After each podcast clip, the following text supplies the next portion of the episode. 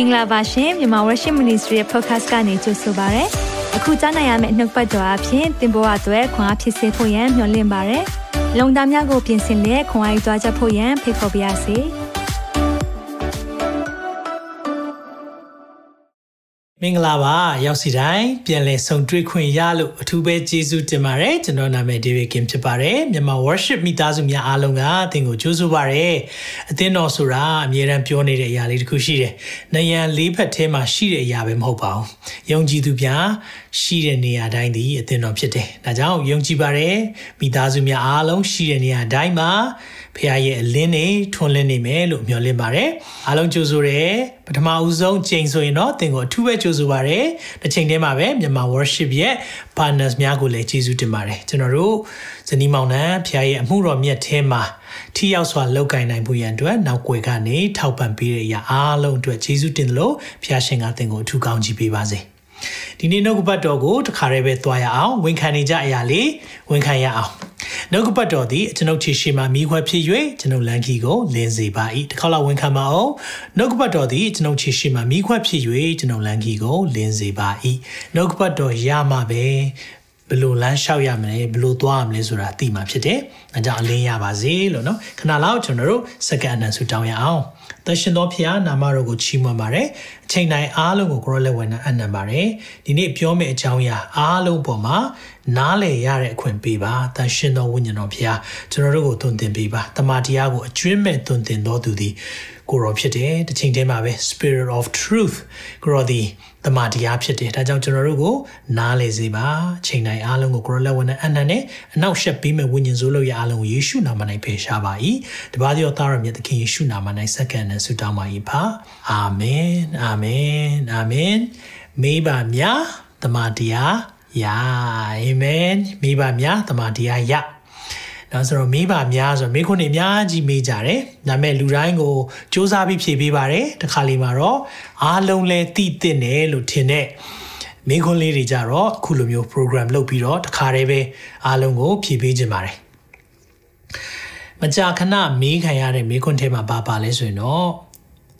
ဒီသေပြီးတဲ့သူတွေအတွက်ဆူတောင်းပေးလို့ရသလားအောက်မေ့ပွဲလုပ်လို့ရသလားသေသောသူတွေအတွက်ဆူတောင်းတဲ့အရာတွေဟာတမာကျမ်းစာနဲ့ညီသလားဆိုတဲ့မေးခွန်းတွေအများကြီးရရှိပါတယ်ဒါကြောင့်ဒီနေ့နားလည်စေချင်တယ်ဂိုင်းကနတစ်ခုနဲ့တစ်ခုမတူတဲ့ခါမှာခံယူချက်တစ်ခုနဲ့တစ်ခုလည်းမတူပါဘူးဒါပေမဲ့ကျွန်တော်တို့ဂိုင်းကနရဲ့သွန်သင်ချက်တဲ့ တမန်တရားရဲ့သွန်သင်ချက်နဲ့ပဲဒီနေ့သွားရအောင်เนาะတမန်တရားဟာပြည့်စုံတာဖြစ်တယ်တမန်တရားဘာပြောသလဲဒါကြောင့်မလို့တမန်တရားမှာအဖြေရှာရအောင်ဆိုတော့ဒီနေ့ခေါင်းစဉ်လေးကိုတော့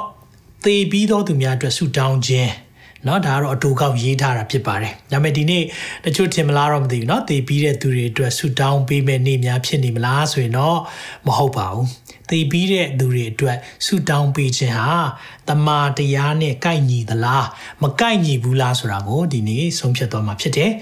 เนาะကျွန်တော်မင်းခွန်းခဏခဏခံရရှိတယ်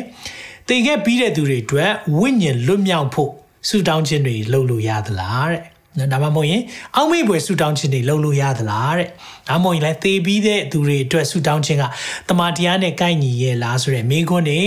ရရှိပါတယ်ဒါကြောင့်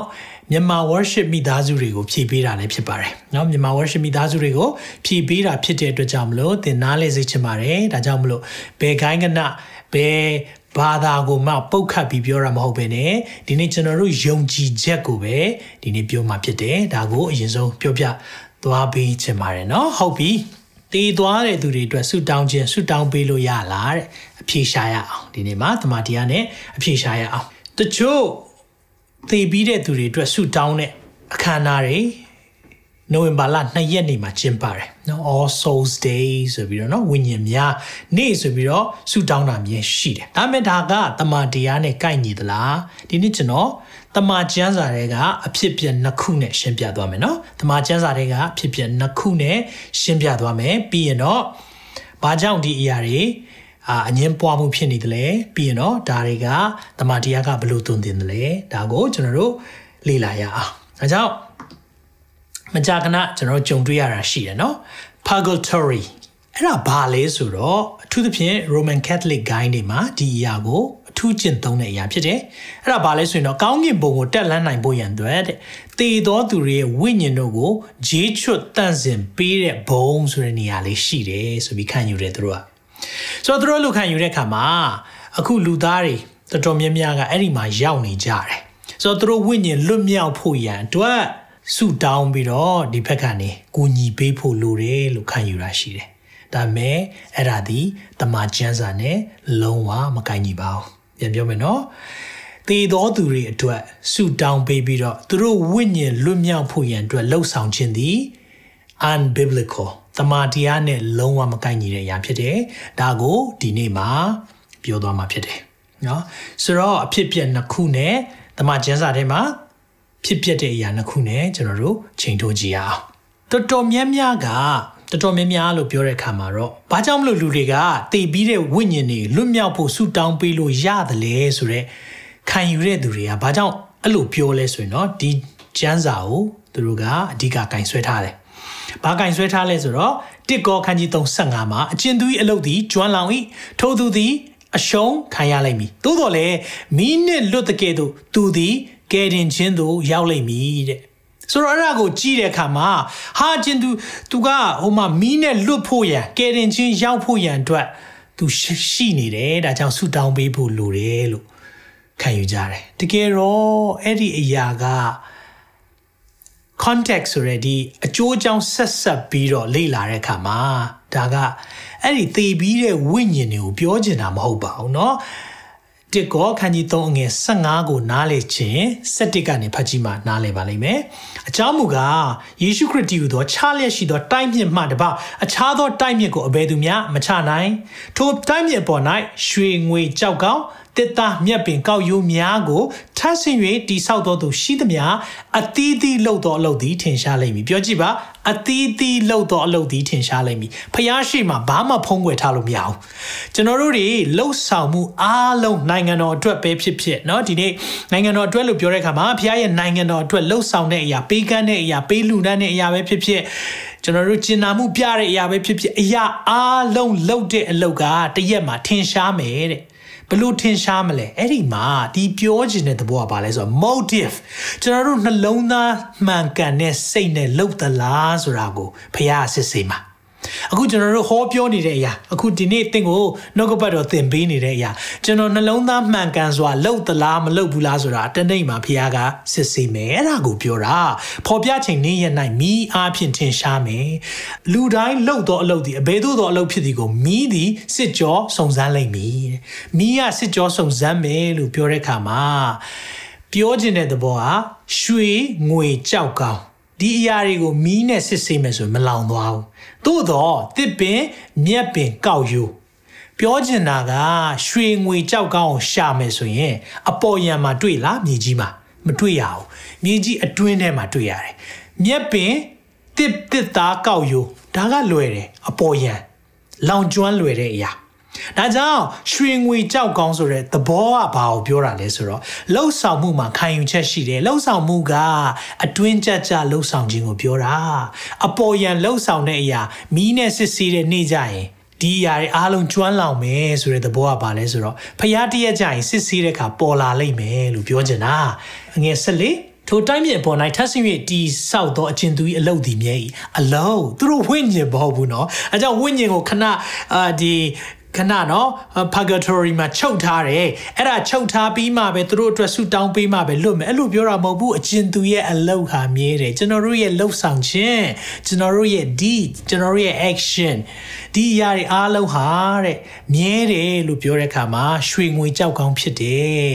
တကယ်ကိုစိတ်နှလုံးမှန်ကန်စွာလှုပ်ဆောင်တဲ့ motive မှန်နေဆိုရင်အကျိုးရှိတယ်ဖះဆူလက်ပေးမှာဒါကိုပြောချင်တာဒါပေမဲ့ အဲ့ဒီတယောက်ရဲ့လောက်ရက်ကမမှန်ဘူးဒါပေမဲ့ तू ကခရစ်တော်ရောကေတင်ပိုင်ရှင်နဲ့ရှင်သခင်ဖြစ်လက်ခံထားရဆိုရင်ရောအငယ်15မှာဖြစ်ပါတယ်ကျင်သူရဲ့အလုပ်ဟာကျွမ်းလောင်သွား तू လောက်တဲ့အရာကမခံအောင်ဆိုတာ तू အပေါ်ယံပဲလှုပ်ထားတယ်ထို့သူသည်အရှုံးခံရလိမ့်မည်ရှုံးသွားပြီပေါ့သို့တော်လည်းမီးနဲ့လှုပ်တဲ့သူသည်ကေတင်ချင်းတို့ရောက်လိမ့်မည်ဆိုပြောချင်တာကတော့ကေတင်ချင်းတော့ရပါလိမ့်မယ်ဆုလက်တော့မရအောင် ပြန်ပြောမယ်နော်ကယ်တင်ခြင်းတော့ရပါလိမ့်မယ်ဆုလက်တော်မရအောင်ဘာလို့လဲခရစ်တော်ကယ်တင်ပိုင်ရှင်တဲ့အရှင်သခင်မြင်ဒါကြောင့်ခရစ်တော်ရဲ့တိုက်မြစ်ပေါ်မှာတဲ့ခရစ်တော်တည်ဟူသောချလျက်ရှိတဲ့တိုက်မြစ်အပေါ်မှာဘယ်သူမှထတ်ချလို့မရအောင်အဲ့ဒီအပေါ်မှာမှပဲရွှေငွေကြောက်ကောင်းဆိုတာခရစ်တော်ရဲ့လှုပ်ဆောင်ပြီးတဲ့အရာအားလုံးအပေါ်မှာပဲကျွန်တော်တို့ကဒီနေ့ ဖះကိုချစ်တဲ့စိတ်နဲ့လှုပ်ဆောင်တာကိုပြောတာဒါကိုနားလည်စေချင်တယ်နော်ဒါကြောင့်မလို့ဒီကျမ်းပိုက်ကိုဘာသာပြန်တာပဲဖြစ်ဖြစ်အနက်တိတ်ပွဲဖွင့်တဲ့ခါလွဲတဲ့ခါမှာဘာဖြစ်သွားလဲဝိညာဉ်တွေကိုတနေရာမှာချုပ်ထားတယ်နော်သူတို့တွေကခံစားနေရတယ်ဒါကြောင့်မလို့ဆူတောင်းပေးရမယ်ဆူတောင်းပေးလိုက်ရင်တော့သူတို့ဝိညာဉ်ကယ်တင်ခြင်းရသွားမယ်အဲ့လိုပြောတာလုံးဝမဟုတ်ပါဘူး เนาะဒါကြောင့်ဒါလေးကိုအရင်ဆုံးရှင်းပြခြင်းတယ်။ဘာကြောင့်အဲ့ဒါကိုပြောတာလဲဆိုရင်တစ်ကော35နဲ့ဘာနဲ့ဆက်ဆက်လဲဆိုတော့နှစ်ကော930နဲ့ဆက်ဆက်ပါတယ်။အကြောင်းမူကားငါတို့ရှိသမျှသည်ကိုယ်ခန္ဓာ၌ကျင့်သောအကျင့်ဆိုအခုအသက်ရှင်တဲ့အချိန်မှာလှုပ်ဆောင်တဲ့အရာကောင်းမကောင်းရှိသည့်အတိုင်းအကျိုးပြစ်ကိုအသီးသီးခံခြင်းကခရစ်တော်၏တရားပလင်ရှိ၌ပေါ်လာရကြမည်။ဖခင်ရဲ့တရားပလင်ရှိမှာပေါ်လာမယ်လို့ပြောတာ Bema judgment အဲ့ဒီအတွက်ကိုတီးသန့်เนาะကျွန်တော် တင်ထားတာလည်းရှိတယ်အဲဧည့်သည်ဆီယမတယောက်ရဲ့ပြောကြားချက်လည်းရှိပါတယ်เนาะဒီခရစ်တော်ရဲ့တရားပလင်စီရင်ခြင်းဆိုတာတကယ်တော့အဲ့ဒီဟာကအကျိုးအပြည့်လို့ပြောတဲ့အခါမှာဆုလက်ပေးမှနဲ့ဆုလက်လွဲသွားမှာပဲဒါကြောင့်ကျွန်တော်လှုပ်ဆောင်မှုအားလုံး motive စိတ်နှလုံးသားမှန်ကန်စွာလှုပ်ဆောင်မှုလိုတယ်တချို့အဲ့ဒီနေ့မှာကြည်ခွဲရမယ်ကျွမ်းလောင်သွားမယ်ဒါပေမဲ့တချို့အဲ့ဒီနေ့မှာဆုလက်တည်ရမယ် ဒါကိုပြောချင်တာဖြစ်တယ်ဒါပထမဆုံးနားလည်ဖို့ဖြစ်တယ်ဆိုတော့ကျွန်တော်နားလည်ပြီတည်ပြီးတဲ့သူတွေအတွက်ဆုတောင်းပေးတဲ့အရာဒီအရာကတမန်ကျမ်းစာမဟုတ်ဘူးတမန်တရားနဲ့မကိုင်ညီဘာကြောင့်လဲဆိုတာကိုကျွန်တော်ဒီနေ့အဖြစ်ပြက်နှစ်ခုနဲ့ကြည့်အောင်ပထမတစ်ခုကပါလဲဆိုရင်တော့ ကျွန်တော်ခေါင်းစဉ်လေးအသေးပြန်တက်လိုက်တယ်အသက်ရှင်တုံးမှာပဲဆုံးဖြတ်ချက်မှန်ပါစေသင်အသက်ရှင်နေတဲ့အခုချိန်မှာဆုံးဖြတ်ချက်ချတာမှန်ဖို့လိုတယ် make the right decision while you are still alive အဲ့ဒါကိုသိဖို့လိုတယ်နှုတ်ပတ်တော်နဲ့ကြည်အောင်လူကာ16မှာဒီလိုပြောပါတယ်အငယ်19တပန်တုံတထေးတယောက်ဒီနီးမောင်းတော့ဂဗလာနဲ့ပိတ်ချောကိုဝစ်ဆင်၍မလုပ်လဲဆိုတော့တထေးကကာမဂုဏ်စည်းစိမ်၌နေစဉ်ပျော်မွေလျက်နေ၏ကာမဂုဏ်မဲ့ခံစားနေတယ် လာဇရုအမိရှိသောသူဆင်းရဲတယောက်သည်တကိုယ်လုံး၌အနာစိမ်းပေါက်၍တထေးဤစပွဲမှကြသောစနှုတ်စပေါက်ကိုစားပါရစေဟုတောင်းတသောစိတ်နှင့်တထေးအိမ်တကားနာမှတုံလုံးနေ၏ခွေးတို့သည်လာ၍အနာစိမ်းများကိုရက်ကြ၏ဒီရဲ့ story ကိုဒီရဲ့အဖြစ်အပျက်ကိုဘသူကပြောလဲဆိုရင်တော့သခင်ယေရှုပြောတဲ့အရာဖြစ်တယ်ဒါပေမဲ့ parable ဆိုတဲ့ပုံဥပမာမဟုတ်ဘူး ဒါကိုကျွန်တော်တို့ကပုံဥပမာလို့ထင်တတ်တယ်။ဘာကြောင့်ပုံဥပမာမဟုတ်ဘူးလဲဆိုတော့ပုံဥပမာပြောတိုင်းပြောတိုင်းသခင်ယေရှုသုံးနှုံနဲ့အသုံးနှုံရှိတယ်။တထေးကြီးတဲ့အောင်မှာသားနှစ်ယောက်ရှိတယ်။နော်ဒါမှမဟုတ်ရင်အာကျွန်သုံးယောက်ရှိတယ်။အာဒါမှမဟုတ်ရင်တို့တခုခုအမြဲတမ်းနော်အပုံဥပမာပေးရင်နာမည်မပါဘူး။သို့တော့အဖြစ်ပြက်ကိုပြောတာဖြစ်တဲ့အတွက်နာမည်သုံးထားတယ်။ လာဇရုဆိုတဲ့အရာပါတယ်နော်ဆိုတော့တတိနာမည်တော့မပြောထားဘူးသို့တော့လာဇရုဆိုတဲ့လူတစ်ယောက်ရှိတယ်ဆိုတာဒါက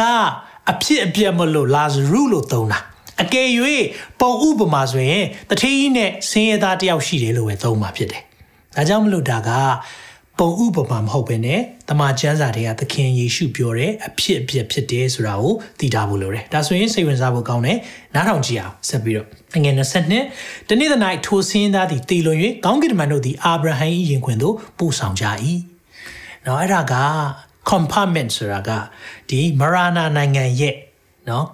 တချမ်းကောင်းတဲ့အချမ်းလို့ပြောရင်ပိုနားလည်လွယ်မယ်ထင်ပါတယ်နော်ဆိုတော့အာဗြဟံရဲ့ယင်ခွင်ဆိုတာ ဖျားကိုတိတဲ့သူတွေရောက်တဲ့နေရာအဲ့ဒီနေရာကိုပို့ဆောင်ပေးတယ်တထေးသည်လည်းတည်လွန်၍တကြိုချင်းကိုခံရလေမရာနာနိုင်ငံ၌ပြင်းပြစွာသောဝေဒနာကိုခံရ၍မျောကြည့်၍တဲ့ဒီတထေးကြတော့သူမရာနာနိုင်ငံမှာပြင်းစွာတဲ့ဝေဒနာခံရင်ခံနေရတယ်တဲ့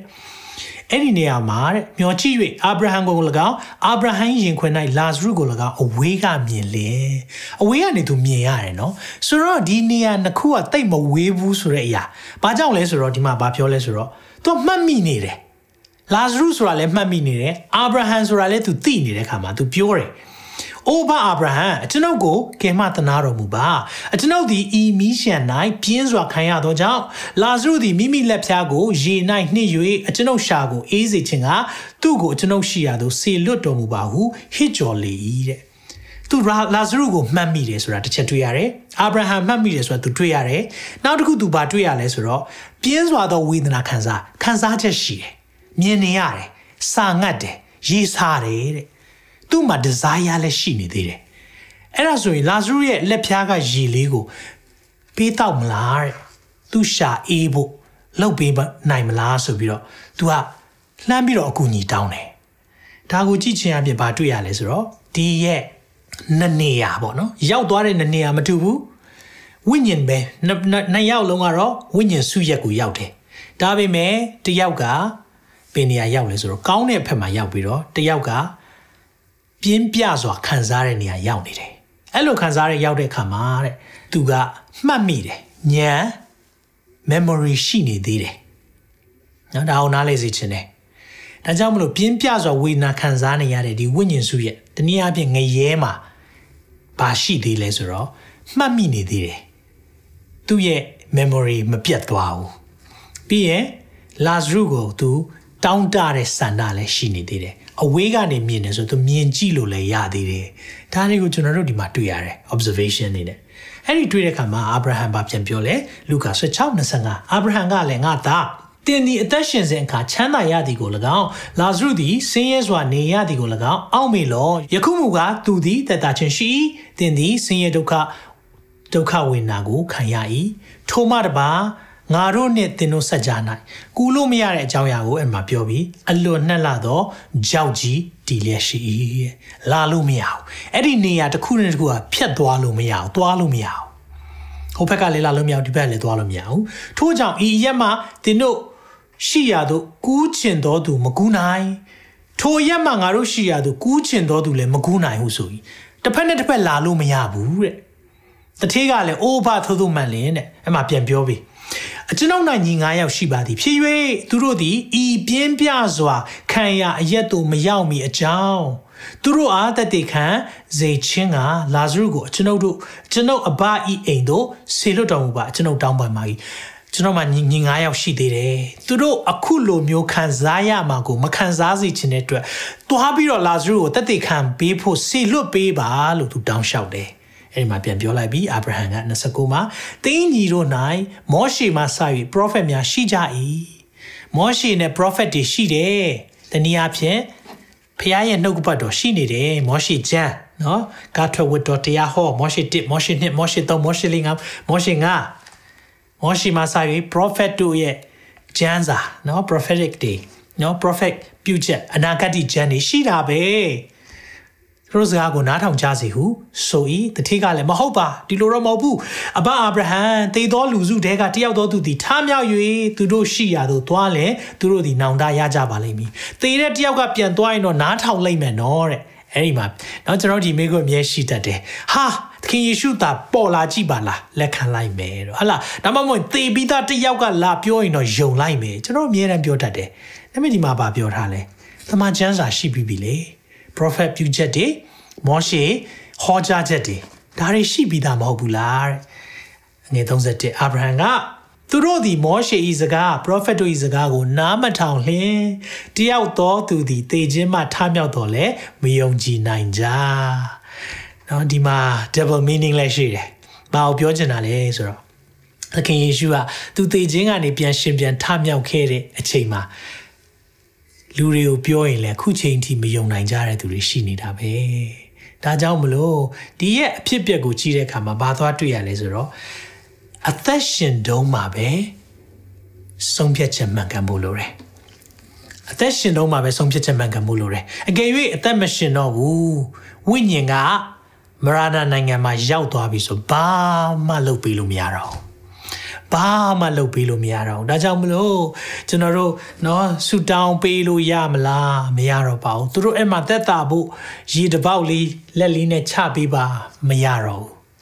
ဒါကြောင့်ဒီအချိန်ကသိတံဖို့ကြီးတာဒါကြောင့်ကျွန်တော်နှုတ်ပတ်တော်တွေနေ့တိုင်းเนาะအပတ်တိုင်းဟောပြောနေတာသက်သေခံနေကြတာဘာကြောင့်လဲဒီကာလသင်ရဲ့အသက်ရှင်တဲ့အချိန်ဟာသိတံဖို့ရှိတယ်ဝိညာဉ်ကတံဖို့ရှိတာလူက เนาะကျွန်တော်အခုအသက်ရှိတယ်ဆိုတော့ကျွန်တော်ဝိညာဉ်နဲ့ကျွန်တော်ရဲ့ကိုယ်ခန္ဓာတွဲနေတဲ့အချိန်အကယ်ကျွန်တော်ဝိညာဉ်နဲ့ကျွန်တော်ကိုယ်ခန္ဓာ ခွဲခွာတဲ့အချိန်ကျရင်ကျွန်တော်သေဆုံးသွားပြီလို့ပြောကြတယ်အဲ့အချိန်ကျရင်မသားလို့ခေါ်တယ်ဟုတ်လားဆိုတော့ဟာအဲ့ချိန်ကျတော့အော်ဆရာဂျေဗစ်ကင်မော်ရန်ခင်လွန်းလို့အိမ်မှာတပတ်လောက်ခေါ်ထားချင်ပါတယ်ဆိုလို့ရှိမလားအသက်နဲ့ခန္ဓာကွဲကွာသွားတဲ့ချိန်မရှိဘူး မရှိဘူးဘာကြောင့်လဲလူကဝိညာဉ်ရှိတဲ့အချိန်အခုချိန်ပဲတန်ဖိုးရှိတာအဲကြောင့်ဒီအချိန်ကိုကျွန်တော်တို့ကဆုံးဖြတ်ချက်မှန်ကန်စွာချဖို့လိုတယ်အဲ့ဒီဆုံးဖြတ်ချက်မှန်ကန်စွာချလိုက်တဲ့အခါကျမှတမလွန်နောင်ရေးအတွက်စိတ်ချရတာအဲကြောင့်ဒီအချိန်မှာဖြစ်တယ်လို့နေလို့မရဘူးကြိုက်တယ်လို့နေလို့မရဘူးဒီအချိန်ကသိတ္တန်ဖို့ရှိတာ တမလွန်ရောက်သွားတဲ့အခါမှာเนาะဒါကြောင့်ဒါကသခင်ယေရှုပြောတဲ့အဖြစ်ပြက်နော်ဒီနေ့ပြောမယ့်အဖြစ်ပြက်နှစ်ခုတည်းကတစ်ခုဖြစ်တယ်ဖြစ်ပြက်ပုံဥပမာမဟုတ်ဘူးအဖြစ်ပြက်တကယ်အဖြစ်ပြက်ကိုပြောတာဒါကြောင့်ဘာမှလုပ်လို့မရတော့ဘူးတေချာတာတခုကတော့တင်ဆုံးပြက်ချက်မမှန်ကန်ပဲနဲ့ကာမဂုဏ်စီးစိမ်အတွက်ပဲအသက်ရှင်နေသေးရတော့ဘာဖြစ်မလဲတင်သေတဲ့အချိန်မှာတင်အတွက်ပူပြင်းတဲ့နေရာရောက်သွားလိမ့်မယ် အဲ့ဒါကိုမရောက်စေချင်လို့ဒီနေ့ကျွန်တော်တို့ကဟောပြောသက်သေခံနေတာဖြစ်တယ်မိတ်ဆွေတောင်းနားလေပါအဲကြောင့်တင်သေဆုံးသွားရင်သေချာတာတခုကတော့ဖျားကိုမသိဘူးဖျားကိုလက်မခံဘူးကာမဂုဏ်စီးစိမ်မှာပဲပျော်မွေ့တယ်ဆိုရင်သင်ရောက်မဲ့နေရာသေချာပေါက်ရှိနေတယ်မရဏနိုင်ငံရဲ့ပူပြင်းတဲ့နေရာကိုရောက်မှာအဲ့ဒီနေရာမဟုတ်ဘူးဆိုရင်ဘယ်နေရာရောက်မလဲနောက်တနေရာရှိတယ်ဒါကြောင့်ဒုတိယအဖြစ်ဖြစ်နဲ့ကျွန်တော်ပြောပြချင်တယ်အဲ့ဒီဒုတိယအဖြစ်ဖြစ်ကပါလဲဆိုတော့ဝိညာဉ်သွားရလမ်းနှစ်လမ်းပဲရှိတယ် ဝိညာဉ်သွားတာအခုကျွန်တော်ခန္ဓာနဲ့ကျွန်တော်ရဲ့ဝိညာဉ်ကွဲကွာပြီးသေသွားပြီဆိုရင်ကျွန်တော်ဝိညာဉ်သွားမယ့်နေရာနှစ်နေရာတည်းကတနေရာကိုပဲသွားမယ်အကယ်၍ကျွန်တော်ဝိညာဉ်ကဘယ်သွားမလဲဆိုတာမတိချဘူးဆိုရင်ကျွန်တော်ဒီနေ့မှာစိတ်ပူရလိမ့်မယ်ခါပဲသွားမလဲမသိဘူးတည်သွားရင်ငါဝိညာဉ်တည်ကြတာတခုကတော့အော်တင်ရင်တင်ချိုင်းကုန်းသွားမှာပေါ့မြေကြီးထဲသွားမှာပေါ့မှန်တယ်ကိုခန္ဓာကသွားမှာဘာကြောင့်လဲမြေမုံကလာတဲ့အတွက် မြေမုံပြန်သွားရမယ်တဲ့ဒါကြောင့်မလို့ကျွန်တော်ကိုခန္ဓာပြတ်သုံးသွားမယ်ဒါပေမဲ့ဝိညာဉ်ကမပြတ်သုံးဝိညာဉ်ကတနေရာကိုတော့သွားလိမ့်မယ်ဘယ်သွားမလဲနှစ်နေရာပဲရှိတယ်ဆိုတော့ပထမတနေရာကတော့သိကြတယ်အဲ့ဒါကတော့ဝိညာဉ်စုရဲ့ရဲ့ဘူးပြင်းတဲ့နေရာခုနတထေးကြီးရောက်တဲ့နေရာနောက်တနေရာသွားလို့ရသေးတယ်အဲ့ဒီတနေရာကတော့ဘယ်နေရာလဲဆိုရင်တော့ရှင်လူကခရစ်ဝင်ကျမ်းခန်းကြီး23မှာဒါလည်းတကယ်ဖြစ်ဖြစ်ဖြစ်တယ် ပုံမှာမဟုတ်ဘူးအငယ်53မှာယေရှုကလည်းငါအမှန်ဆိုဒီကယနေ့တွင်သင်သည်ငါနှင့်အတူဘယ်နေရာသွားမလဲပါရာတိတုဘုံ၌ရှိလိမ့်မည်ဟုမိန်တော်မူ၏။ paradise ပါရာတိတုဘုံမှာရှိမယ်တဲ့။ပါရာတိတုဘုံမှာရှိမယ်။ဒါကြောင့် paradise ကိုသွားလို့ရတယ်။နှစ်နေရာပဲရှိတယ်။တနေရာကတော့ပူပြင်းတဲ့နေရာ။နောက်တနေရာ paradise ဒါမှမဟုတ်ရင်အာဗြဟံရဲ့ရင်ခွင်လို့လဲတင်စားတဲ့နေရာ။အဲ့ဒီနေရာရှိတယ်တဲ့။ နှစ်နေရာပဲ။ဒါကြောင့်ကျွန်တော်တို့နားလည်ဖို့ကတင့်ဝိညာဉ်ကဘယ်နေရာသွားမလဲ။အဲ့ဒီနှစ်နေရာပဲသွားတယ်။ညောင်သူတို့ဝိညာဉ်တွေကိုနော်တနေရာမှာချုပ်ထားမလားနော်တနေရာမှာသူတို့ပူပြင်းစွာခံနေရမလားနော်သိကြတာတကူကတော့အဲ့ဒီကနေထွက်လို့မရတော့ဘူးသူတို့ဝိညာဉ်ဆူတောင်းပေးလဲ paradise မရောက်တော့ဘူး။ဘာကြောင့်လဲဆိုတော့သူတို့လောကမှာနေခဲ့တဲ့ အချိန်အခါမှာဆုံးဖြတ်တဲ့ဆုံးဖြတ်ချက်အတိုင်းအကျိုးလဲအလခံစားရပြီ။နောက်တစ်ချို့ကခံယူတဲ့ soul sleep ပေါ့နော်ဝိညာဉ်အိတ်သွားတယ်။ဘာကြောင့်ဝိညာဉ်အိတ်သွားတယ်လို့ပြောလဲဆိုတော့နော်တစ်အာတစ်ကော15တို့အာတတလောနဲ့ aura ဆိုပထမဆုံးခန်းကြီး၄နော် rapture အကြောင်းနေပြောတဲ့အခါမှာဘာပြောလဲဆိုတော့ပြန်ရှင်ပြန်ထမြောက်မယ်ပြန်ရှင်ပြန်ထမြောက်မယ်လို့ပြောတဲ့အခါမှာတချို့ခိုင်းကနာတွေကဘယ်လိုခံယူလဲဆိုတော့ဝိညာဉ်အိတ်နေတယ်လို့ခံယူတယ်နော် soul sleep ဆိုတာဆိုတော့ ခရစ်တော်ဒုတိယအချိန်ပြန်လာတဲ့အချိန်ကြမှာเนาะတနည်းအားဖြင့် rapture လာတဲ့အချိန်ကြရင်ဒီဝိညာဉ်တွေအားလုံးထမယ်လို့ခံယူတဲ့ဖွဲ့တွေလည်းရှိတယ်အာဒါကလည်း soul sleep ဝိညာဉ်ကဘဲမှမသွားပဲအဲ့ဒီသင်ချိုင်းနာပဲသင်ချိုင်းနာမှာပဲအိတ်နေတယ်ဆိုရင်လည်းမှားပါတယ်။ဘာကြောင့်လဲဆိုတော့နှုတ်ပတ်တော်နဲ့ကျွန်တော်ကြည့်ရအောင်။နှစ်ကောခန်းကြီး9အငယ်6ခွန်8ကိုဖတ်ချင်တယ်ထို့ကြောင့်ငါတို့သည်ကိုယ်ခန္ဓာ၌နေမြဲနေစဉ်ကာလ သခင်ဖျားနှင့်ကွာဝေးသောအရာ၌နေသည်ကိုငါတို့သိလျက်တဲ့သခင်ဖျားနှင့်ကွာဝေးတဲ့အချိန်အခုချိန်အစဉ်ရဲရင်သောစိတ်ရှိကြ၏မျက်မှောက်ဝင်မြင်မဲ့ယုံကြည်မျှော်လင့်ခြင်းရှိတဲ့အတိုင်း we live by faith not by sight အဲ့ဒါကိုပြောတာငါတို့သည်ကျင့်ဆောင်ပြုမှုဖြစ်၍အငယ်ရှိကိုအာယုံဆိုင်ပေးပါကိုခန္ဓာနှင့်ကွာဝေးရရဲ့သို့သွား၍သခင်ဖျားထံတော်၌နေမြဲနေခြင်းက ကိုခန္ဓာနဲ့ဝေးကွာတဲ့အချိန်ပဲရောက်လေသခင်ဖျားထံဝဲရောက်တယ်ဒါကြောင့်ဝိညာဉ်ကအသင်ကြိုက်မှမအိပ်နေဘူးနော်ဝိညာဉ်ကဒီနေ့သခင်ဖျားထံမှာနေမြဲနေခြင်းကအလိုရှိလျက်ရင်းရင်သောစိတ်နဲ့ပြည့်စုံကြတယ်ဒါကနားလဲစေခြင်းနဲ့ဒါကြောင့်မလို့ဝိညာဉ်တွေအားလုံးကခရစ်တော်ကိုလက်ခံထားတဲ့သူတွေနော်ခရစ်တော်ကေရီမာရှင်နဲ့ရှင်သခင်မြတ်လက်ခံထားတဲ့သူတွေရဲ့ဝိညာဉ်အားလုံးဒီ paradise မှာရှိတယ် ဒါပေမဲ့ rapture လာတဲ့အချိန်ကြရင်အဲ့ဒီဝိညာဉ်တွေနဲ့ဒီရဲ့ပြတ်သုံးသွားပြီးသားเนาะပြန်ပြီးတော့ဒီရဲ့ကိုခန္ဓာเนาะကျွန်တော်တို့လူလူရဲ့ကိုခန္ဓာเนาะကိုခန္ဓာ the body ကပြန်ပြီးတော့ထလာပြီးအဲ့ဝိညာဉ်တွေနဲ့ပြန်ဆုံတဲ့အခါမှာ glorified body ဆိုတဲ့ဝိညာဏကိုခန္ဓာရမယ်အဲ့ဒါ နားလည်ဖို့ဖြစ်တယ်เนาะဒါကြောင့်ဝိညာဉ်ကသင်ချိုင်းမှာပဲအိတ်နေတာတို့သင်ချိုင်းမှာပဲနေနေတယ်ဆိုတော့အရာတွေကလည်းတမန်ကျမ်းစာနဲ့မကိုက်ညီတဲ့အရာတွေဖြစ်တယ်ဒါပဲလားကျွန်တော်ဆက်ပြီးတော့ကြည့်ရအောင်เนาะအရေးကြီးတဲ့အချက်လေးဒီနေ့အဲ့ဒါလေးနဲ့ပြောပြီးတော့အဆုံးသတ်ခြင်းတယ်ယေရှုခရစ်ရဲ့အသွေးတော်အကြောင်းကိုနားမလည်တဲ့အခါမှာခုနပြောတဲ့ဒီဝိညာဉ်တွေအတွက်လွတ်မြောက်ဖို့ဆုတောင်းပေးအောင်မယ်လို့ဒီသူတို့အတွက်အရင်တော့ဆိုရင်ဘယ်လောက်ထိတောင်ဖြစ်လဲဆိုတော့နော် form ပါဝယ်ရတယ် ဆိုတော့ဒီဝိညာဉ်တွေလွတ်မြောက်ဖို့အတွက်ဒီ form တွေပါတွေတောင်တေးချလုတ်ပြီးတော့အဲ့ဒါတွေကိုဖုံးတော်ကြီးတွေရောင်းတာနော်ဆိုတော့ဒီအဖြစ်အပျက်တွေကိုမာတင်လူသားတွေ့တဲ့အခါမှာလက်မခံနိုင်ဘူး။ဘာကြောင့်လဲဆိုတော့တမန်ကျမ်းစာနဲ့မကိုက်ညီလို့နော်ဒါကဒါကလည်း church history မှာရှိခဲ့တဲ့အရာတွေဖြစ်တယ်။ဟုတ်ပြီ။ so ခရစ်တော်ရဲ့အသွေးတော်အကြောင်းလေးကိုနည်းနည်းလေးဒီနေ့မှာပြောပြချင်တယ်။အဲ့ဒါအဲ့ဒါအရင်ဆုံးနားလည်ဖို့ဖြစ်တယ်။ဘာကြောင့် ဒီနေ့ခရစ်တော်ရဲ့လက်ဝါးကားတိုင်းမှာပြုတဲ့အရာကလုံလောက်တယ်လေ sufficient ဆိုတာပြည့်စုံပြီလုံလောက်သွားပြီ။ဘာကြောင့်ပြောတာလဲဆိုတာကိုကျမ်းစာနဲ့ကြည့်မယ်ဆိုရင်ဟေဘရဲဩဝါဒစာအားလုံးဖတ်ကြည့်ရင်ဒီအကြောင်းပြောတယ်။အေဖက်ထဲမှာလည်းဒါကိုအေဖက်ဩဝါဒစာထဲမှာလည်းဒါကိုပြောတယ်။ဒါပေမဲ့အဲ့ဒီထဲမှာဟေဘရဲ30ရဲ့အကြောင်းအရာလေးကိုကျွန်တော်ပြောပြခြင်းတယ်။ဆိုတော့ဟေဘရဲ30မှာပြောလဲဆိုတော့ငွေ7ယေဘရဟိမိဒီကနေ့တိုင်း ဝိပြူလျက်အပြစ်ကိုမဖြေနိုင်သောရစ်ကိုအထက်ထက်အဖန်ဖန်ပူဇော်လျက်ရက်နေရရဤထိုသခင်မူကားဘသူပြောတာလဲသခင်ယေရှုခရစ်တော်ကိုပြောတယ်အပြစ်ကိုဖြေခြင်းကရစ်တစ်ခုတည်းကိုပူဇော်ပြီးမှစ၍ဘုရားသခင်လက်ရတော်ဖက်၌အစဉ်မြဲထိုင်၍မိမိရန်သူတို့ကိုမိမိခြေတင်ရာမချမထားမိတိုင်အောင် မျောလင့်လက်နေတော်မူ၏ဆိုတော့ယစ်ဘရဟိတ်ဒီဆိုတာကလူယစ်ဘရဟိတ်မင်းနေအလုပ်လုပ်ရင်တော့တဲ့ ခဏခဏအပြစ်ဖြေနေရတယ်ဒါပေမဲ့သခင်ယေရှုရဲ့အသေးခံခြင်းကြတော့ခဏခဏလှုပ်ရှားမလို့အငယ်ဆက်လီမှာအဖြစ်ပါတယ်အကြောင်းမူကဘာကြောင့်လဲဆိုရင်စင်ကြယ်သောသူတို့သည်သာရဆုံလင်ခြင်းကပြောကြည့်ပါသာရဆုံလင်ခြင်းကပြောကြည့်ပါဦးသာရဆုံလင်ခြင်းကစင်ကြယ်သောသူတို့သည်သာရဆုံလင်ခြင်းကတခါတည်းပူဇော်ခြင်းအပြင်ပြုတော်မူ၏ once and for all once and for all တခါတည်းပဲ အဲ့ဒီခရစ်တော်ရဲ့အသေးခံခြင်းနဲ့ပြုလုပ်တဲ့အရာက once and for all တခါတည်းလှုပ်ပေးလိုက်တဲ့အရာ လုံလောက်တယ်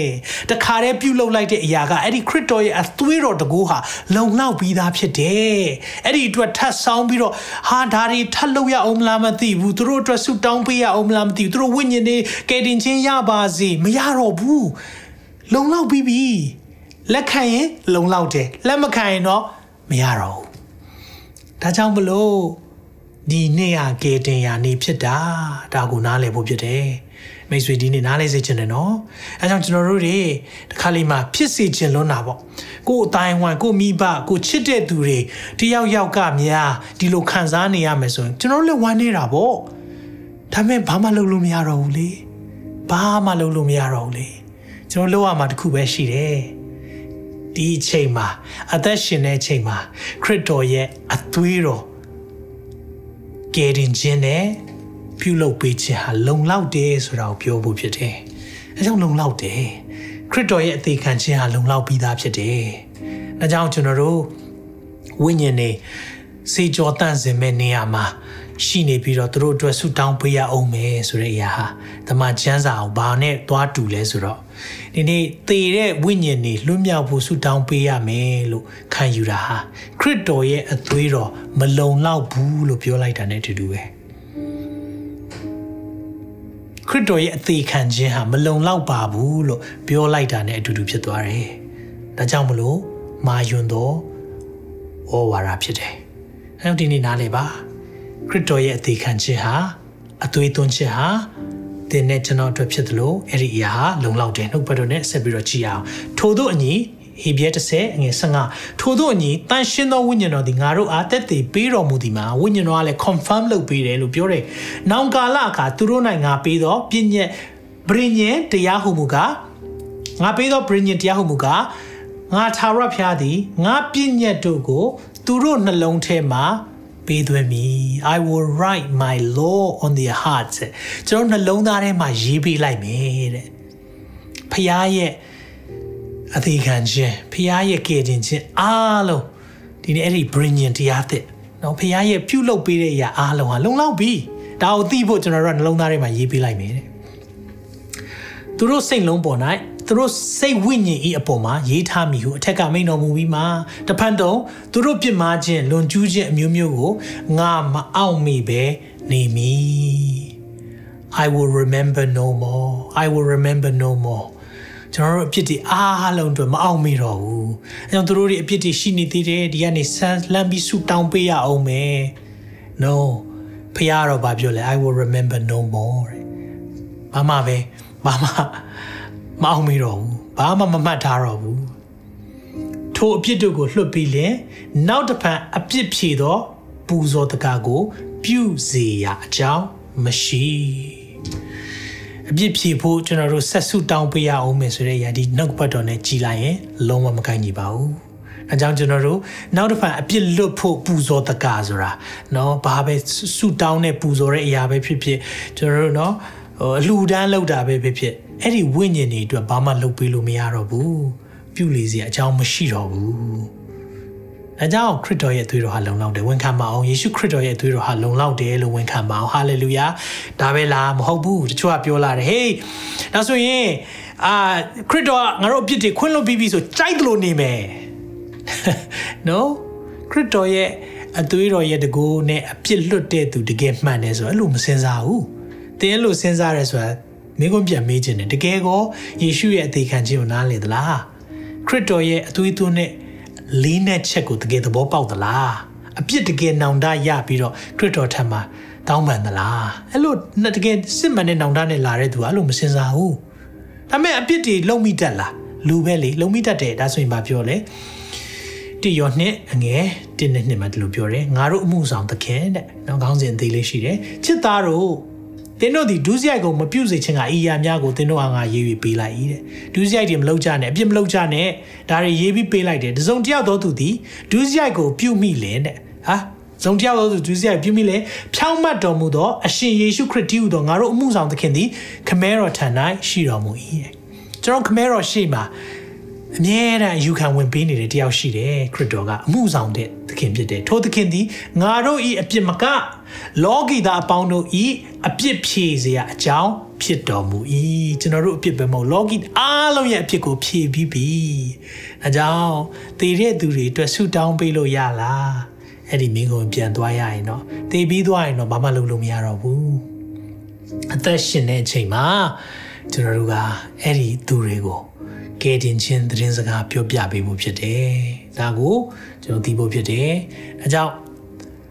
ရှင်ပေါလုကအမြဲတမ်းသူပြောတဲ့အရာလေးတစ်ခုရှိတယ်။ငါအသက်ရှင်တဲ့အရာမှာခရစ်တော်ဖြစ်တယ်တဲ့။သင်ရင်ပိုကောင်းတယ်တဲ့။ဘာကြောင့်သူပြောတာလဲ။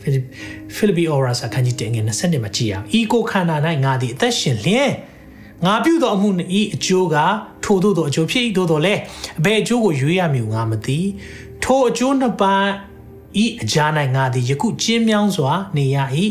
အဲ့ဒီအကြောင်းလေးကိုအာယုံစိုက်ပေးပါစုတည်၍သေတာကိုပြောတာစုတည်၍ခရစ်တော်နဲ့အတူနေခြင်းကတောင်းတလိုခြင်းသောစိတ်ရှိ၏သေပြီးတာနဲ့ခရစ်တော်နဲ့အတူနေဖို့သူလိုချင်တယ်တာ၍တာ၍အလွန်ထူးမြတ်သောအကျိုးဖြစ်တယ်ဒါကြောင့်ဝိညာဉ်စုရက်ထဲမှာစုပြီးတော့เนาะအပြစ်ဒဏ်တွေစောင့်နေရတယ်ဆိုတဲ့အရာတွေသူတို့ကိုလွတ်မြောက်ဖို့ဆုတောင်းပေးရမယ့်အရာတွေဟာ ဒီနေ့တမချမ်းစာနဲ့မခိုင်ညီပါဘူးဒါကိုနားလေစေချင်ပါတယ်เนาะဒီလိုပြောပြတဲ့ခါမှာလည်းသင်ကိုသိစေချင်တယ်ဘာကြောင့်လဲဒီနေ့ဟာကေတင်ယာနေ့ဖြစ်လို့ဖြစ်တယ်အာမင်ဒီနေ့ဟာကေတင်ယာနေ့ဖြစ်တယ်ပြောကြည့်ပါယနေ့သည်ကေတင်ယာနေ့ယနေ့သည်ကေတင်ယာနေ့ today is the day of salvation ဒီຢာလေးပြောပြီးကျွန်တော်ဆုံးသက်ချင်တယ်နှစ်ကောအခန်းကြီး6ငယ်တင်ကနေနှစ်ကိုဖတ်ချင်တယ်သင်တို့သည် ဖဖျားသခင်ယေရှုတော်ကိုအကျိုးမဲ့မခံကြနှင့်ဟုငါတို့သည်အမှုတော်ကိုဆောင်ရွက်တော်သူချင်းဖြစ်၍သင်တို့ကိုနှိုးဆော်သွေးဆောင်ကြ၏ဖျားရဲ့ယေရှုတော်ကိုအကျိုးမဲ့မခံပါနဲ့ဆိုတာဖျားရဲ့ယေရှုတော်အလွယ်သုံးစားမလုပ်ကြနဲ့ဗျာဒိတ်တော်အချက်ဟုမကနော်အဲ့ဒီမှာလေသူရဲ့ mystery တခုပြောပြီးနှစ်သက်ဖွယ်သောအချိန်၌ငါ၏စကားတင်းစကားကိုငါတန်းထောက်မိကဲတင်ရနေ့ရက်ကာလ၌ တင့်ကိုငါမစိတ်မီဟုလာသည်နှင့်အညီယခုပင်နှစ်သက်ဖွယ်သောအချိန်ရှိ၏ယခုပင်ကဲတင်ရနေ့ရက်ကာလ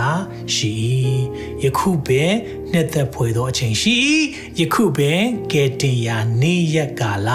ရှိ၏ဒါကြောင့်မလို့ဒီနေ့အရေးကြီးတာဒီနေ့အရေးကြီးတာသင်ဒီရဲ့အာသင်ကြားချက်ဒီဗီဒီယိုကိုသင်နားထောင်နေတယ်ဒါမှမဟုတ်သင်ကြည့်တယ်ဆိုရင်ဒီနေ့သင်ရဲ့ဆုံးဖြတ်ချက်သိအရေးကြီးတယ် သင်ဆုံးဖြတ်လို့မရတော့ဘူးသင်ကိုွေးသောလက်ကိုမဆန့်မီဆန့်သောလက်ကိုမကွင်းမီလူဟာသိနိုင်တယ်တဲ့မှန်တယ်ရင်ငွေ့လို့ပြောတယ်ကျန်စာကျွန်တော်ဘဝခုမြင်နေ့မြင်ညပြောက်ချက်ချင်းပြောက်သွားနိုင်တယ်ချက်ချင်းပြောက်သွားနိုင်တယ်အဲ့လိုဖြစ်သွားတဲ့အခါမှာကျွန်တော်ဘာလုပ်မလဲနော်ရင်ငွေ့ရင်ငွေ့ဖြစ်တဲ့အခါမှာကျွန်တော်ဘာမှမသိနိုင်ဘူးနော်အဲကြောင့်မလို့ရင်ငွေ့လို့ပြောတဲ့အခါမှာနော်ကျွန်တော်ပြပါတယ်ဒီမှာကြည့်လိုက်ပါအောင်နော်ရင်ငွေ့လေးတစ်ချက်လေးတွေးလိုက်တယ်ပြီးရင်ပျောက်သွားပြီ အဲ့လောက်မြန်တယ်ပျောက်သွားပြီဘယ်လောက်မြန်တယ်လဲချက်ချင်းကိုပျောက်တာအခုမြင်လိုက်တယ်ချက်ချင်းပျောက်သွားပြီကျွန်တော်ဒီနေ့ဟောနေတယ်မနေ့ပြင်ကျွန်တော်ရှိချင်မှရှိမယ်ဒီညလည်းကျွန်တော်သိသွားနိုင်တယ်ဒါမဲ့ကျွန်တော်မှာစိတ်ချမှုတစ်ခုရှိတယ်ကျွန်တော်ဝိညာဉ်သိသွားရင်တော့ paradise ပါရာတိတုပုံရောက်ကိုရောက်မယ်ဘာကြောင့်လဲ ကျွန်တော်ကောင်းမှုကုသိုလ်ကြောင့်လားလုံးဝမဟုတ်ဘူးကျွန်တော်မိဘတွေမောင်နှမတွေဆွေမျိုးတွေရဲ့ဆုတောင်းပေးမှုကြောင့်လားလုံးဝမဟုတ်ဘူးကျွန်တော်ရဲ့ခရစ်တော်ပေါ်မှာယုံကြည်သက်ဝင်ခြင်းသူ့ကိုခရစ်တော်ယေရှုဖခင်ကိုကယ်တင်ပိုင်ရှင်တဲ့ရှင်သခင်ဖြစ်ကျွန်တော်ဘဝကိုအားလုံးအနံထားတဲ့ဆုံးဖြတ်ချက်ကြောင့်ကျွန်တော်ဟာ paradise ရောက်မယ်လို့သိကြပေါက်ပြောနိုင်တယ်မိတ်ဆွေရောပြောနိုင်ပြီလားမပြောနိုင်သေးဒီနေ့ကိုစက္ကပ်ပါ ယခုပဲနှစ်သက်ဖွယ်ရဖြစ်တယ်ကဲတင်ရနေဖြစ်တယ်အဲကြောင့်ကျွန်တော်အခွင့်အရေးပေးခြင်းတယ်သင်ရဲ့ဘဝမှာတစ်ခါမှဒီလိုမျိုးပြောကြားချက်ဟောကြားချက်မကြားဘူးဘူးအခုဒီနေ့ကြားတဲ့အခါမှာ it makes sense အထိပ္ပယ်ရှိနေတယ်လို့သင်ခံစားရဆိုရင်ဒီနေ့စက္ကပ်ပါကိုယ့်ရဲ့အသက်တာကိုကိုယ့်ရဲ့အပြစ်တွေအားလုံးဝင်ချတောင်းပန်ပါလူဟာမပြည့်စုံဘူးဒါကြောင့်အပြစ်တရားရဲ့အခါဟာသိခြင်းတဲ့ဘာလို့သိလဲလူတွေကအပြစ်တရားကြောင့်သိရတယ်ဒါပေမဲ့အဲ့ဒီမှာမပြီးသွားဘူး ဖခင်ရဲ့ကယ်တင်ခြင်းစုကျေးဇူးရှိတယ်ထာဝရအသက်ပေးခြင်းနဲ့တဲ့ခန္ဓာနဲ့အသက်ကွဲကွာသွားမယ်တဲ့ရဲ့ရုပ်ကလပ်ပေါ့နော်ဒီမြင်နေရတဲ့ကိုယ်ခန္ဓာနဲ့ဝိညာဉ်မမြင်ရတဲ့ကိုယ်ကွဲကွာသွားရင်တော့တဲ့ဝိညာဉ်ဟာအမြဲတမ်းရှင်သန်နေအောင်ပါဒါပေမဲ့နှစ်နေရာတော့သွားမယ်သင်ဘယ်နေရာရောက်မလဲတေချာပေါက်ပြောနိုင်ပြီလားသင်ရဲ့ကုသိုလ်ကောင်းမှုနဲ့ဆိုရင်တော့သင်ရောက်မှာမဟုတ်ဘူးယေရှုကတော့ပြောတယ်ငါဒီလမ်းခီ တမန်တရားအသက်ဖြစ်တယ်လမ်းခီတမန်တရားအသက် I am the way the truth and the life a way a truth a life မဟုတ်ပါဘူး the way definite article တေချာပေါက်ပြောတဲ့အရာဖြစ်တယ်ညံ့ယုံကြည်လို့ရတယ်ယေရှုကဖျားဖြစ်တယ်သူဖျားဖြစ်ကြောင်းပါနဲ့ပြလဲသေခြင်းမြင့်ဆုံးမှန်ကိုအောင်မြင်တယ်သေခြင်းကနေအသက်ပြန်ရှင်တဲ့သူဖြစ်တယ်ဒါကြောင့်သူဟာဖျားဖြစ်တယ် မိတ်ဆွေရဲ့ယုံကြည်ချက်တွေမိတ်ဆွေရဲ့ဒီနေ့ဆုံးဖြတ်ချက်တွေအားလုံးသခင်ယေရှုထံမှာအနံ့မှန်ဆိုရင်သင်ရဲ့အတွက်ထာဝရသက်ရှိတယ်ဒီရာအတွက်သင်ကိုကျွန်တော်ဆုတောင်းပေးခြင်းနဲ့ကဲ၍သင်နှလုံးသားထဲမှာတခုခုဒီနေ့မှာခံစားရပြီးတော့ကိုယ့်ရဲ့ဘဝအသက်တာအားလုံးကိုသခင်ထံအနံ့ခြင်းနေဆိုရင်တော့ကျွန်တော်ရှိကနေတိုင်ပေးမယ်နောက်ကနေဂျေစုပြု၍လိုက်ဆိုပေးပါကျွန်တော်ရဲ့စကလုံးဖြစ်ကောင်းဖြစ်မယ်ဒါပေမဲ့သင်နှလုံးသားထဲကလာတဲ့ဆုတောင်းတဲ့ဖြစ်ပါစေသ ခင်ယေရှုဖျားကျွန်တော်ဟာအပြစ်သားဖြစ်ပါတယ်ဒီကနေ့မှာအပြစ်အားလုံးကိုဝင်ချတောင်းပန်ပါတယ်ကျွန်တော်အပြစ်အားလုံးကိုခွင့်လွှတ်ပေးပါကျွန်တော်ဘဝကိုကိုရောလက်ဝင်နိုင်အနံပါတယ်ကိုရောရဲ့အသေးခံခြင်းအသွေးသွင်းခြင်းနဲ့ရှင်ပြန်ထမြောက်ခြင်းကြောင့်ကျွန်ုပ်သည်ကယ်တင်ခြင်းရကြောင်းဒီကနေ့မှာသိရှိပြီးတော့ ဝန်ခံပါတယ်ကျွန်ုပ်ဘဝကိုအုပ်ဆိုပါသခင်ရဲ့လက်တော်ထဲမှာဘဝတစ်ခုလုံးကိုအနံပါ၏သခင်ယေရှုနာမ၌ဆုတောင်းပါ၏အာမင်အာမင်အာမင်ယေရှုတင်နေမိတ်ဆွေဒီဆုတောင်းချက်ကိုနှလုံးသားထဲကနေဝန်ခံပြီးဆုတောင်းနေဆိုရင်တော့သင်အတွက်ဒီနေ့ဟာကတည်းကနေဖြစ်တယ် Welcome to the family Amen သင်ကိုတမန်တရားနဲ့ ကျွန်တော်တို့တွေဆက်လက်လမ်းပြသွားဖို့ရန်အတွက်မြန်မာ worship မိသားစုများကဒီနေ့အစဉ်သင့်ရှိနေပါတယ်ကျွန်တော်တို့စာရေးလာပါဆက်သွယ်လာပါသိချင်တဲ့မိခွန်းများရှိတယ်ဆိုရင်ဆက်လက်ပြီးတော့မေးပါလို့เนาะဒီနေ့ကျွန်တော်တခြားလူတွေအတွက်လည်းခဏလောက်ဆုတောင်းပေးခြင်းနဲ့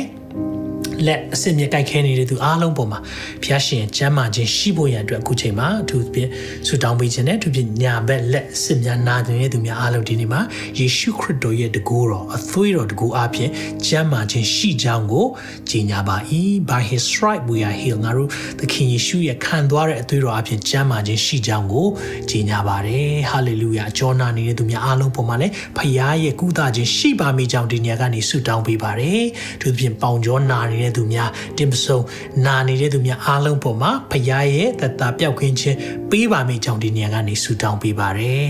ဒီချိန်တည်းမှာပဲဆုံးဖြတ်ချက်မချနိုင်ဘဲနဲ့တွေ့ဝင်နေတဲ့သူများအားလုံးပေါ်မှာလည်းဖခင်ထံမှလာတဲ့ဉာဏ်ပညာတိကျတဲ့ဆုံးဖြတ်ချက်တစ်ခုရပါမိကြောင်းဒီနေရာကနေဆုတောင်းပေးပါတယ်။စာတန်ရဲ့ချုပ်ကင်ထားတဲ့အရာအားလုံးကနေလွတ်မြောက်ပြီးတော့ဖခင်အထက်မှာအလင်းရဲ့သားသမီးပီတာစွာအသက်ရှင်နိုင်ဖို့ဆုတောင်းပေးပါတယ်။တစ်ချိန်တည်းမှာပဲ ဒုစရိုက်အဖြစ်ကိုသိရက်နဲ့ပြန်ပြန်ကျူးလွန်မိနေနေမိတဲ့သူများအတွက်လည်းဆုတောင်းပေးပါတယ်ကိုရောကိုရောဟာကျွန်တော်တို့ကိုအမှုဆောင်တဲ့သခင်ဖြစ်ပါတယ်ကိုရောခွန်အားနဲ့ဒီရဲ့ဒုစရိုက်များအားလုံးကိုကြော်လွှားနိုင်တဲ့အခွင့်ပေးပါဝိညာဉ်တော်ဖျားကိုရောကိုယ်တိုင်မာစာ၍အဖြစ်ကိုအဖြစ်ကိုအဖြစ်ကိုရှိကိုရှိတိုင်းမြင်ပြီးတော့ရောဒီအရာတွေကိုဒုစရိုက်ကိုကြောခိုင်းနိုင်ပါမိကြောင်းကိုရောသားသမီးများကိုခွန်အားပေးပါဒီနေ့ပို့ဆောင်တဲ့အရာအတွက်ယေရှုတင်တဲ့ချိန်တိုင်းအားလုံးတော့ကိုရောယေရှုတင်တဲ့ တပါးဒီတော်သားရမြတ်သခင်ရှုနာမ၌စက္ကန့်နဲ့ဆုတောင်းပါ၏အာမင်အာမင်အာမင်ကျွန်တော်တို့ကိုအာစာရေးသားဆက်သွယ်လို့ရပါတယ်မိခွန်များရှိမယ်ဆိုရင်လည်းယေရှုပြည့်၍စာရေးခဲ့ပါလို့ပြောချင်ပါတယ်เนาะခဏလောက်ကျွန်တော်ကောင်းချီးပေးခြင်းနဲ့ အဆုံးသတ်ပါမယ်။ထာဝရဘုရားသည်သင်ကိုကောင်းချီးပေး၍ဆောင်မတော်မူပါစေသော။ထာဝရဘုရားသည်သင်၌မျက်နာတော်အလင်းကိုလွှတ်၍ဂိယူနာကျေးဇူးပြုတော်မူပါစေသော။ထာဝရဘုရားသည်သင်ကိုမျှော်ကြည့်၍ချမ်းသာပေးတော်မူပါစေသော။လူတွေရဲ့ကြံစည်မမိနိုင်တဲ့ဘုရားညီသက်ခြင်းဝမ်းမြောက်ခြင်းပျော်ရွှင်ခြင်းများသင်နဲ့သင်မိသားစုပေါ်မှာတရားပါစေ။သခင်ရှုနာမ၌ဆုတောင်းကောင်းချီးပေးပါရယ်။နောက်ထောက်လွှင့်ချက်မှာပြန်လည်ဆုံတွေ့ပါအောင်မယ်နော်။အားလုံးကိုဖျာရှင်ထူကောင်းချီးပေးပါစေ။ တင်ခုလိုနာဆင်ခွန်အားနိုင်ခြင်းဟာမြန်မာ Worship Ministry ကိုလာဆင်ပန်ပိုးနေကြတဲ့ Kingdom Partners များအကြောင်းဖြစ်ပါတယ်။ဖျားခင်နိုင်ငံတော်ကျယ်ပြန့်ရေးအတွက်လာဆင်ပေးကမ်းပောင်းဖို့ရန်ဖိတ်ခေါ်လိုပါတယ်ရှင်